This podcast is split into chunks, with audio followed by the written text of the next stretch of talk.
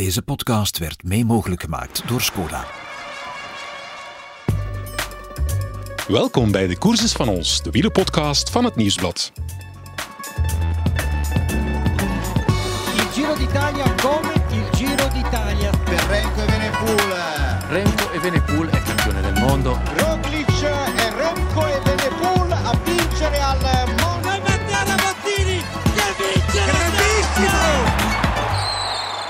We zijn er weer in ons wekelijkse ritme. Elke middenweek bespreken wij de koersactualiteit. En die actualiteit is nog altijd de Giro, ook zonder Remco. Het lijkt alsof we nog niet veel gemist hebben sinds wij dagelijks verslag uitbrachten van de Giro. Maar dat moet je niet vertellen aan de renners die weer wind en een coronagolf hebben doorstaan. Er zijn al 48 uitvallers die nu de Giro, net zoals wij, vanuit de zetel volgen. 128 van de 176 renners zijn nog in koers. Bijna 30% uitval en dat zegt eigenlijk alles. Misschien was die opbouw wel nodig voor een ultraspannend slot van deze Giro met twee bergritten en een ongelooflijke klimtijdrit op zaterdag. Die lijkt bedacht ergens kort na de Tweede Wereldoorlog. Dat gaat ongelooflijke taferelen opleveren, of dat verwachten we toch. En we hebben nog altijd een man in de Giro, dat is Jan-Pieter de Vlier. Hij is onze eenzame reporter geworden in Italië. Ik belde hem donderdagochtend voor de 18e etappe met aankomst in Val di Soldo in het hartje van de Dolomieten. Dag Jan-Pieter, onze overgebleven reporter in de Giro, de enige van de drie. Ja, hoe is het daar momenteel? Want ehm, veel regen gehad en er is zonneschijn gekomen na de regen. Hè? Is dat in de koers ook zo? Eh, een beetje wel, ja. Het is natuurlijk heel anders als je alleen moet eh, de Giro verslaan. eh, maar op zijn minst, eh, het, het eh, verlies van de collega's is toch een beetje gecompenseerd door de zon die er inderdaad is doorgekomen. Eh, maar het is nog op en af hoor. Soms is het eh, ongelooflijk warm bij de start, twee dagen geleden bijvoorbeeld. En dan is het aan, het regenen aan de finish. Dus er is nog, de, de zon is nog niet zo heel betrouwbaar. Ja. Die Giro heeft er zeer eh, zwaar ingehakt. Dat zijn ook de signalen die wij, die wij eh, doorkrijgen. Is dat inderdaad zo? Hoor je dat bij renners? Al dat regenweer en zo. Ook bijzonder veel opgevers uiteraard. Wat zijn de geluiden daar? Zijn de renners moe op dit moment? Ja, 100% eh, wel. Er is geen renner met wie je spreekt die niet zegt dat hij ergens onderweg ziek geworden is. Ze hebben allemaal problemen met, met de luchtwegen. Dus ja, iedereen ziet af en heeft eh, afgezien. Maar het, het eh, contradictorische is dat, dat zich dat niet vertaald heeft naar boeiende televisie of boeiende koers. Natuurlijk met uitzondering van eh, de rit van dinsdag, waar dat we dan wel eh, actie zagen in, in het klassement. Maar ja, de- iedereen blijft een beetje op zijn honger zitten. En Ja. renners vinden het vervelend als ze daar opmerkingen over krijgen, want die begrijpen niet dat mensen niet snappen hoe zwaar het al geweest is. Dus dat is Ja. een beetje de contradictie van... Ja. Ja, het viel mij op bij Thomas onder andere, hè, eh, die leider is in deze Giro en die daar natuurlijk op aangesproken wordt, uiteraard. Ja, de rustdag ook en, en in zijn podcast eh, reageerde hij zo op van ja, het is, het is het is niet aan ons om aan te vallen. eh, uiteindelijk gaat het over winnen. Ehm, ja, het, het, stoort een beetje. Hè. Ik kan me wel voorstellen als je aan het afzien bent en dan mensen in de zetel zeggen van doe eens iets, eh, dat, dat, dat dat vervelend is. Ah, ik, ik vind dat een beetje dubbel. En natuurlijk, renners hebben vaak eh, gelijk natuurlijk als, als ze daarover klagen. Maar aan de andere kant, ik vind ook wel dat Ineos in de eerste twee weken van de, eh, van, van de Giro defensief heeft gereden. Dat ze die, die collectieve kracht die er zeker was. eh, ze hebben eh, natuurlijk een supergoeie Laurens de Plus, een supergoeie Arendsman. Maar ze gebruiken die om, de- voor, voor de klimtrein en, en niet om bijvoorbeeld iemand vooruit te sturen. Maar dat is makkelijk vanuit een, een rennersperspectief te counteren met de opmerking van ja, het is geen PlayStation of zoiets. En het is natuurlijk Ja. ook geen PlayStation, maar zou wel eens verrassend geweest zijn hadden ze, hadden ze zoiets eh, geprobeerd. En dan hadden we misschien sneller gezien hoe dat Jumbo ervoor stond, sneller gezien hoe dat Roglic ervoor stond. Dus nu, ja, die, die eerste twee weken, eh, als het over het klassement gaat, was dat helemaal status quo. Ja. Ja, laten we zeggen, het beste moet nog komen. Hè, dan ehm, vandaag al met die rit. Dat zal mogelijk eh Val di Soldo, eh, als, als eh, de luisteraar deze podcast beluistert, zullen we de uitkomst daarvan kennen. Maar natuurlijk, ja, Trecime de Lavaredo en dan die klimtijdrit. Hè. Gaat, gaat het allemaal nog door zoals gepland? Wat is de laatste stand van zaken? Want in het begin van de Giro werd daar een beetje over gedaan van... Ja, de klimtijdrit zal misschien sneuvelen. ja. Nee, dat gaat allemaal door zoals uh, gepland voorlopig. Ik zeg, de tweede is, is, een stuk beter, dus dat, dat is geen, geen spelbreker uh, normaal gezien.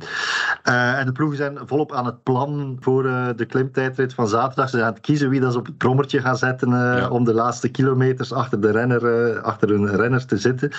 Sommige ploegen gaan blijkbaar voor een ploegleider, andere gaan toch voor, uh, voor een mechanieker. Uh, ja, ik heb gisteren met de man gesproken die het normaal gezien uh, zou moeten doen bij, bij Quickstep. Dus mechanieker Fausto, zijn familienaam ontsnapt mij nu. Maar die had het ooit al gedaan op de klimtijdrit naar Kroonplatz in 2008, denk ik. En die zei het echt niet onderschatten. Dus uh, vasthouden van achter op een brommer, een fiets vasthouden op, uh, over je schouder. Ondertussen zorgen dat de, de toeschouwers een beetje met rust laten. Die moet je dan op afstand nog proberen houden met een soort derde hand of zo. Dus ja, hij zei dat echt niet, uh, echt niet meevalt. Ja, even eh, voor degenen die onze grote voorbeschouwing niet beluisterd zouden hebben, hè, want dat is wat het bedoeling. Die klimtijdrit, uh, het wordt er allemaal zo smal, zo moeilijk uh, organisatorisch, dat er geen wagens, geen volgwagens kunnen, kunnen volgen, de renners volgen. En dus zal het te doen zijn met brommers, motoren, en dan moet dan een mechanieker met wielen, maar misschien zelfs met een fiets op de rug de renner volgen. Ja, voorhistorische toestand een beetje en daar houden wij van. Hè. Inderdaad, en eh, er is ook nog de complicatie. Dus het eerste deel is vrij vlak, de aanloop, en dan gaat het naar, naar een heel steile klim. Dus er, iedereen moet van fiets wisselen. Maar dan moeten natuurlijk renners willen hun, hun pacingplan kunnen voor, volgen. Maar ze willen niet moeten van fiets wisselen en ook nog snel een fietscomputer van fiets wisselen. Dus moeten de twee toestelletjes gepaired worden van de, de tijdritfiets en dan de klimfiets. Dat zijn allemaal zo uh, complicaties waar je eigenlijk niet bij stilstaat, maar die toch veel kopzorgen uh, aan de ploegen uh, bezorgen. Kan ik me iets bij voorstellen. Zeg, um, ja, onze, de ploeg die, waarvoor wij met drie uh, in de Giro waren en nu slechts één, hè, omdat Remco Evenepoel het einde niet gehaald heeft of niet zal halen. Uh, Quickstep, die zijn uiteindelijk, Soudal Quickstep, die zijn uiteindelijk maar met twee renners meer in koers. Dat is wel een bijzonder gegeven. Hè. En één daarvan, Ilan van Wilder, die staat er wel behoorlijk goed voor, vijftiende plek. Ik vraag mij dan af, want op het moment dat, dat ik nog in de Giro was en toen we een beetje vooruit beschouwden naar ja, hoe, wat gaat nu de rest van de Giro brengen voor Soudal Quickstep, toen werd er nog gezegd, wij mikken op ritwinst, maar op, op dit moment lijkt het toch alsof ze voor een goed klassement zullen gaan met Ilan van Wilder. Is dat nog mogelijk dat hij top 10 binnengaat? En, en wat is uh, de gesteldheid van uh, de ploeg? Hij staat op dit moment vijftiende. En ja, er zijn wel nog een, een dikke drie minuten te overbruggen om de top 10 binnen te gaan. Hè? Uh, dat is wel 100% het doel geworden. Ze hebben een beetje die piste van uh, ritoverwinning verlaten, omdat Van Wilder voelde dat dit te dicht stond om mee te kunnen gaan in, in ontsnappingen. En uh, nu mikken ze ja, de ploeg iets meer uitgesproken dan Van Wilder zelf op, uh, op een top 10. En dat is zeker haalbaar. Uh, ja, hij, hij, staat op die 15e positie omdat hij er nooit een, een doel van gemaakt heeft. Maar bijvoorbeeld op Monte Bondone kwam hij als, als zesde binnen. Heeft hij veel tijd goed gemaakt op de renners die voor, voor hem stonden. Nog niet zozeer in plaatsen in het klassement, maar in tijd echt wel al veel. Dus als die trend zich, zich doorzet, is dat zeker een, een realistisch doel voor hem. Soudal Quickstep is een ronde ploeg aan het uitbouwen rond uh, Remco Evenepoel. Maar het blijft maar gonsen van uh, geruchten dat Ineos toch aan uh, het mouwtje of de mouwtjes blijft trekken van Remco Evenepoel. En ja, dan zou Van Wilder misschien wel nog eens de wissel op de toekomst kunnen worden. Maar je hebt Patrick Lefevre afgelopen weekend gesproken en hem dat ook voorgelegd. Hoe zit dat nu met, met Evenepoel en Ineos? En, en wat zegt Lefevre daar allemaal over, over die aanhoudende geruchten? hij heeft er zeker niet het achterste van zijn tong ingetoond. Maar ik had de indruk dat, dat het niet iets was dat bij hem op, op dat moment heel acuut uh, speelde of zo. Maar toen ik hem voorlegde van ja, als, als Ineos een offer zou willen uh, of een bod zou willen doen, uh, een hoog bod, wat, wat, is uw reactie dan? En hij zwaaide dat niet af en zei ja, dan moet ik een, voor, verantwoordelijke teammanager zijn, moet ik dat bespreken met de eigenaar van de ploeg, Denek Bakkela, moet ik dat voorleggen aan mijn sponsor, hoe zij, hoe zij daar tegenover staan. Dus het is niet dat hij die piste direct uh, afwimpelde of zo, maar ja, ik vind het moeilijk om er veel over te zeggen, omdat we op dit moment het, het, het fijne er ook niet van weten van hoe concreet ja. die interesse is. Maar het is zeker uh, een feit dat Ineos de Tour wil winnen en dat ze op dit moment geen renner hebben die, die daartoe in staat kan geacht worden. En dat Evenepoel dat zou oplossen voor hen. Ja. Ja, er is niet alleen uh, Ilan van Wilde natuurlijk. Er zijn nog een aantal Belgen uh, in koers. En we spreken nu donderdag. In de vlakke etappe gisteren hebben twee Belgen zich laten opmerken. Uh, Senne Leijsen, zoon van Bart Leijsen, ploegleider bij Alpes in de Koning, die ja, tot de laatste vluchter voorop bleef. En dan ja, in, de, in de spurt Arne Marit, die, ja, die heel goede benen had. En eerlijk gezegd op de beelden te zien ook. Hij had, hij had echt de snelheid, zat perfect gepositioneerd. En dan plots liep het mis. We dachten dat hij, dat hij het wiel geraakt had van uh, ploegmakker, maar het bleek dan uh, de ketting te zijn. En uh, ja, die was daar bijzonder, bijzonder over teleurgesteld. Hè? GP, je hebt hem opgevangen, proberen te troosten na de aankomst. Ik had echt wel met, met die gast te doen, want die was aan het, ja, aan het schokken van de tranen. Zijn vriendin stond ook zo'n beetje onwezenlijk naast hem zijn fiets vast te houden. En hij stond daar ontroostbaar uh, naast te wezen. En dan, dat is wel echt lullig als je dan als, als, journalist daar moet, nog een keer moet gaan nastaan en dan nog ja, moet vragen om, om te verwoorden waarom dat hij zo, zo ontgoocheld is, terwijl het overduidelijk is natuurlijk. Hij zat, zat echt wel goed gepositioneerd en, en zijn ketting ging van zijn, uh, van zijn fiets. Dus ja, gelukkig uh, was Renaat Schotten in de buurt om dan de eerste vraag te stellen. Ik vind dat altijd een beetje uh, ongemakkelijk. En uh, ja, Marit deed wel zijn best om, om nog tussen de tranen door goede antwoorden te geven. Maar het was echt met, met mondhoeken die op en neer gingen van de emotie en zo. Dus het was heel intens voor hem. En ja, 100% te begrijpen, want hij zei dat hij ziek geweest was en dat zijn, zijn, zijn grote drijfveer om verder te gaan was de rit naar uh, Caorle. En ja, als je dan goed geplaatst zit en toch niet kunt sprinten, dan is dat natuurlijk super zuur. Wij gaan daar dikwijls nogal licht over. Renners die ziek zijn uh, of, of zich niet goed voelen, dan door moeten in, in die uh, rittenkoers. En dan, dan berichten wij daar niet over. En, maar ja, dat is eigenlijk het, het grootste lijden. Ik ben na, nadat ik afgezwaaid ben voor de krant, nog even de Giro blijven volgen als toeschouwer. En de rit in, in Bergamo uh, op, op uh, klimmetje staan wachten. En dan moesten wij echt, ja, ik denk dat het bijna 50 minuten was, uh, wachten. omdat er nog een renner zou aankomen en de groene vlag kwam maar niet. De toeschouwers begonnen zenuwachtig te worden, wilden de, de weg oversteken. De politie kreeg dat nog nauwelijks onder controle. En dan zag ik Dainese passeren, echt voor de, de groene vlag. Echt afzien, onwaarschijnlijke beelden en taferelen. Ja, en dan, dan wint hij nadien een etappe. En dan is dat een verhaal dat, dat zo'n beetje, ja, dat een beetje ondergesneeuwd is. Maar eigenlijk is dat onwaarschijnlijk dat, dat een man een paar dagen daarvoor echt aan het lijden is tot en met en dan toch weer meespurt. En dan kan je wel die tranen begrijpen van een Marit. Als je al die ellende doorstaan hebt, je komt dan in winnende positie en het loopt dan mis ja, dat moet onwaarschijnlijk zijn om dat, om dat mee te maken. Hè. Flits, even terug naar onze studio in Antwerpen. Als trouwe luisteraar weet je dat wij een al even trouwe partner hebben die deze podcast mogelijk maakt. Halfweg luisteren wij altijd naar een korte boodschap, maar dit keer is er meer. Onze partner doet een fantastische giveaway en jij als trouwe luisteraar maakt daar kans op. Eerste boodschap en dan straks meer over de giveaway. Stay tuned. Je gezin is net als een wielerploeg. We moedigen elkaar aan. En we weten dat we met de tips van onze ploegleider we alle kansen hebben om echte kampioenen te worden. Skoda, supporter van de grootste fietsfamilie. Onze partner is ook sponsor van de groene trui in de Tour en officiële hoofdpartner van de Tour de France FAM. En dat levert een fantastische giveaway op. Want wij mogen een duo VIP-arrangement in de Tour de France FAM weggeven. Het is een driedaagse met vluchten, hotels, maaltijden en alle transport inbegrepen. Als het weer het toelaat, dan kan je de tweede etappe van de Tour de France FAM op 24 juli, dat is een etappe van Clermont-Ferrand naar Mauriac, volgen vanuit de helikopter en anders vanuit de volgwagen, in elk geval van op de eerste rij. S ochtends heb je ook de kans om zelf te fietsen met niemand minder dan Andy Schleck. Het enige wat je moet doen als je nog geen vakantie hebt, is vrijvragen aan je baas op 23, 24 en 25 juli. En voor al de rest zorgt onze partner. Wat moet je doen om te winnen? Wel, ik verwijs je door naar de Instagram-pagina van het Nieuwsblad Sport en daar kun je deelnemen. Alle instructies staan daar in een post. En in onze volgende aflevering van de Courses van ons maken wij de winnaar bekend. Veel succes en terug over naar GP.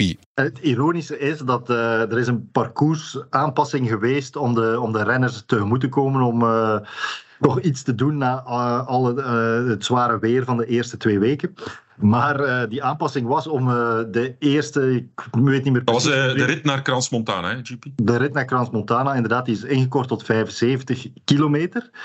Um, maar voor de sprinters is dat een, echt een verhiftigd geschenk geweest, omdat die moesten beginnen met de beklimming van Croix de Coeur, daarna naar beneden, dan een stukje vallei en naar omhoog naar Crans Montana. Maar die tijdslimiet was ongelooflijk strak en hoe korter de, een rit, hoe, hoe, moeilijker dat het is om, om die, of hoe minder tijd dat er is om, om tijd te winnen. Dus die sprintersgroep, die, die bus van de sprinters, heeft daar moeten ja, vol, vol 75 kilometer rijden. Zowel bergop dan uh, blijkbaar uh, gekke dingen doen in de afdaling, in de vallei, vol rijden om uh, toch tijd goed te maken op die klimmers. En dan weer naar boven naar Transmontana. Dus voor hen was die parcoursaanpassing ja, nog een meer miserabele dag. Dan mochten ze hele hele parcours gereden hebben. Dus het lijkt een toegift voor de renners, maar voor de sprinters ja, is het uh, alles ook, behalve. Voor, ja, voor wie voor de sprinters niet. sprintersbenen heeft, is dat geen geschenk. Ja.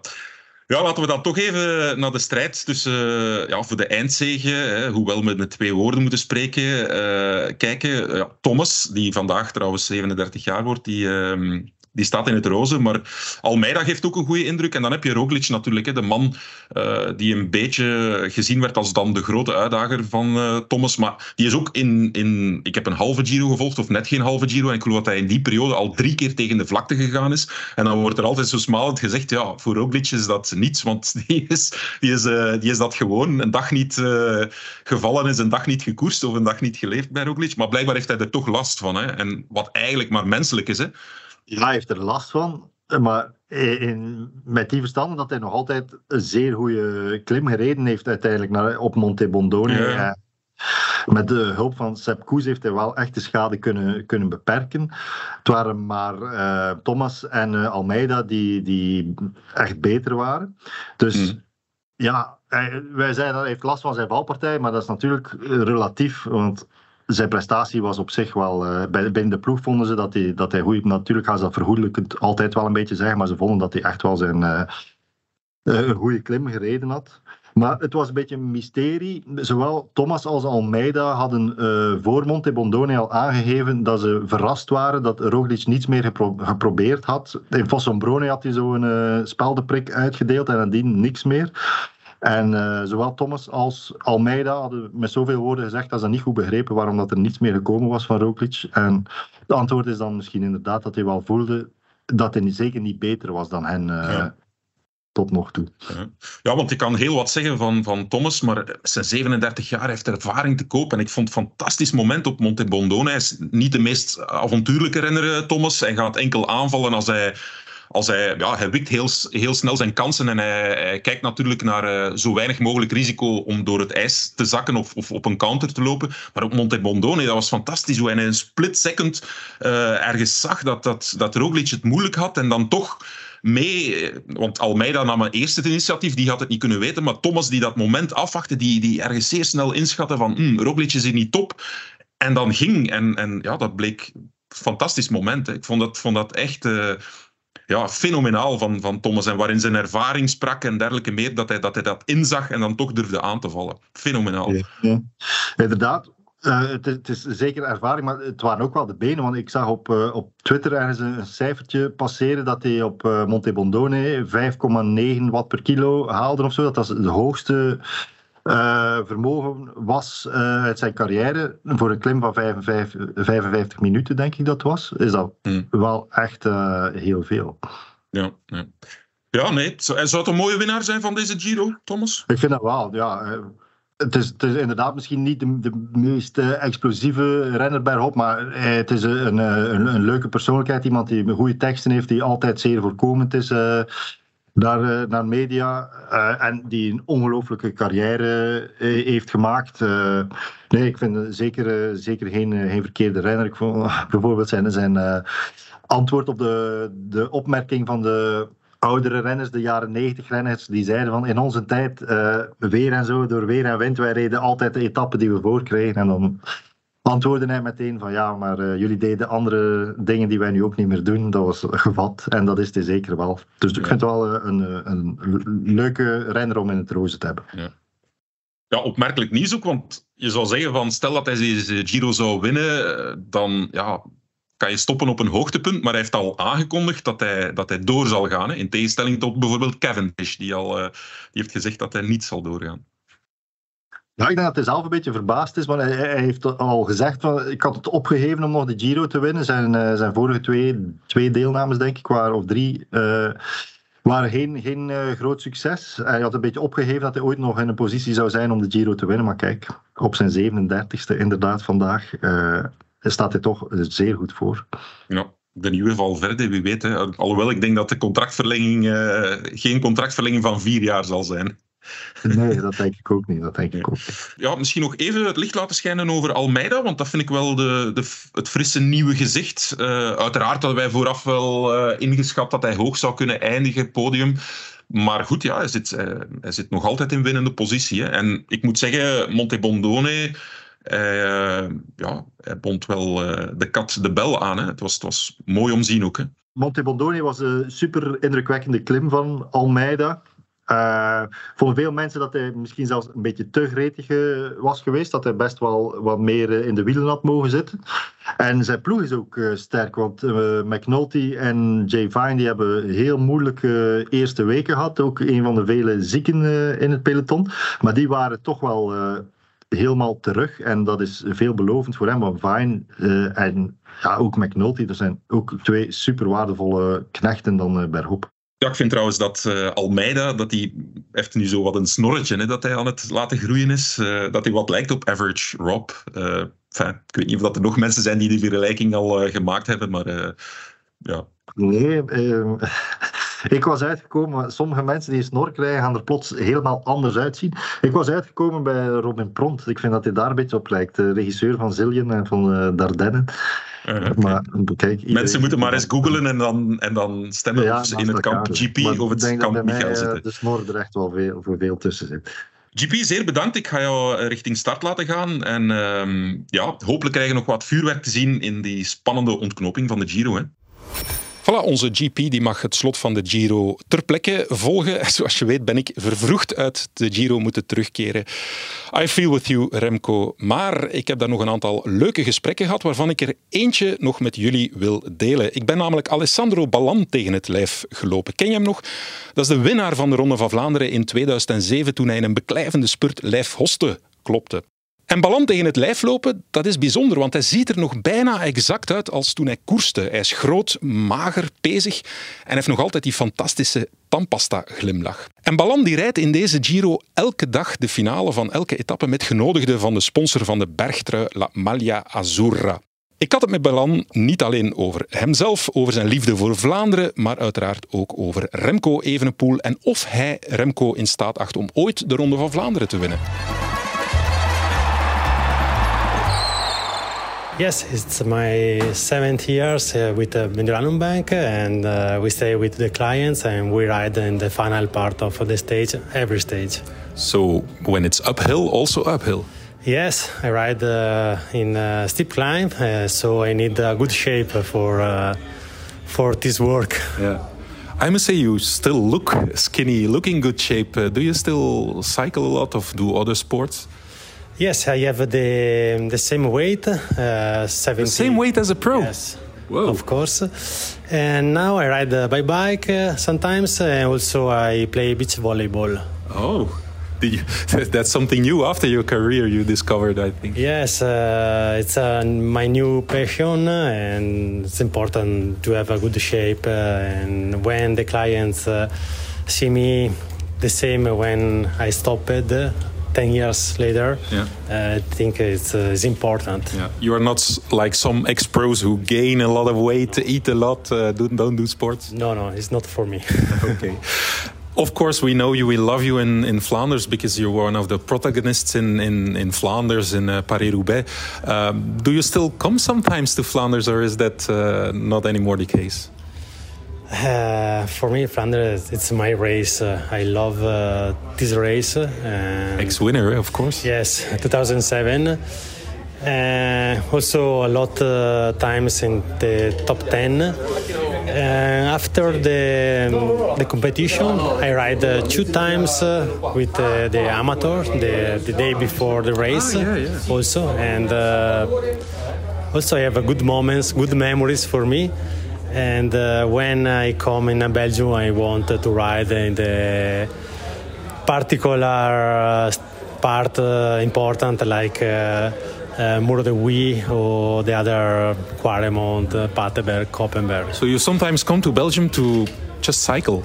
If I have uh, the, my bike, yes, of course. En dan vroeg ik Belan naar wat hij vindt van Remco Evenepoel en of hij hem in staat acht om ooit de Ronde van Vlaanderen te winnen. Remco, it's unbelievable because when uh, him uh, attack the other, uh, he's a full gas and uh, he make a really difference. Uh, 20, 30, 40 k's from the finish is unbelievable. Yeah. So you said that, that, Remco is good in one-day races. Of course, we think of uh, Liège. Okay. But do you think that he could uh, race Flanders and that he maybe could win this race, or is that not uh, not not so easy for him? For me, it's possible because if um, Pogacar win the Flanders, also for Remco it's possible. So we. Um, he need a lot of experience, of course, but in the future, I think him uh, can win uh, this race. Yeah. For the monuments, the five monuments, maybe Paris-Roubaix is uh, out of his league or not? the harder it's Paris-Roubaix, but uh, also for uh, for this race, uh, we can we can wait and we see. Yeah. Maybe you can give him some tips later in the career. Yeah, you were three times third, I think. Yeah, three times fourth. It's. Um, my I, uh, and the first uh, part of my, my career I um, not uh, not like this race because I crash a lot times but uh, in the final uh, it's for my characteristics. Yeah. so three times third uh, is not good for me because no, in Italy in Italy not have a rider win um, world champion Flanders and Roubaix. So I need this victory, but uh, it's okay. Alessandro, still you have a you have a beautiful career. Thank you very much and enjoy the Giro. Thank you and sorry for my English. no, it's perfect. Thank you. Ziezo, dat was het voor deze week. Geniet van het slot van de Giro en vooral van de clowneske tafereelen in de klimtijdrit zaterdag. We kijken er naar uit. Wij zijn er volgende week weer met een podcast. Tot dan, tot de koers is van ons.